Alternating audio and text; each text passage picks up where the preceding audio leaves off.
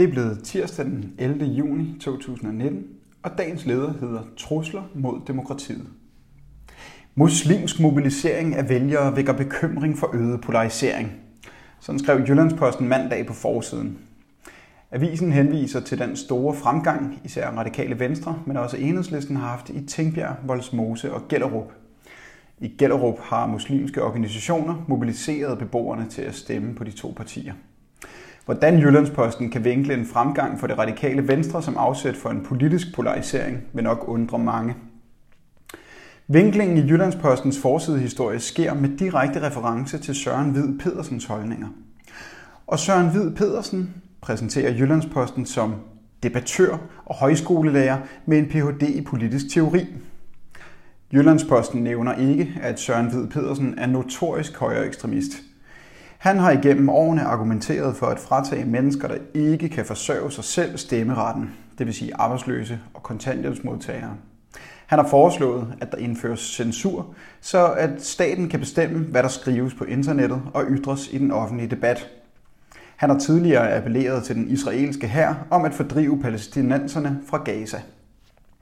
Søren Hvid Pedersen færdes desuden ifølge researchkollektivet Redox i det højere ekstremistiske miljø, hvor også ledende medlemmer af flere nazistiske organisationer færdes. Alligevel finder Jyllandsposten hans holdninger så relevante, at de danner afsæt for en artikel på avisens forside.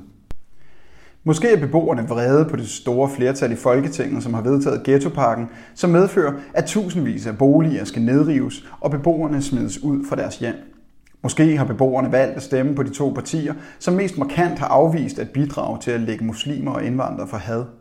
At afdække den egentlige baggrund for vælgerbevægelserne i de berørte boligområder er imidlertid ikke Jyllandspostens ærende. Når beboerne i de udskilte boligområder ikke stemmer, kritiseres de for at holde sig uden for det politiske liv. Når de stemmer, så mistænkeliggøres det også.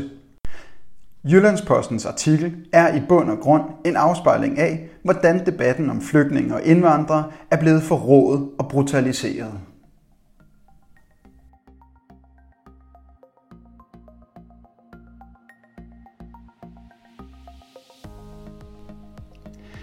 Du har lyttet til dagens leder fra Arbejderen. Abonner på vores podcast på iTunes, eller hvor du ellers hører dine podcasts. Du kan også klikke ind forbi arbejderen.dk for meget mere journalistisk indhold.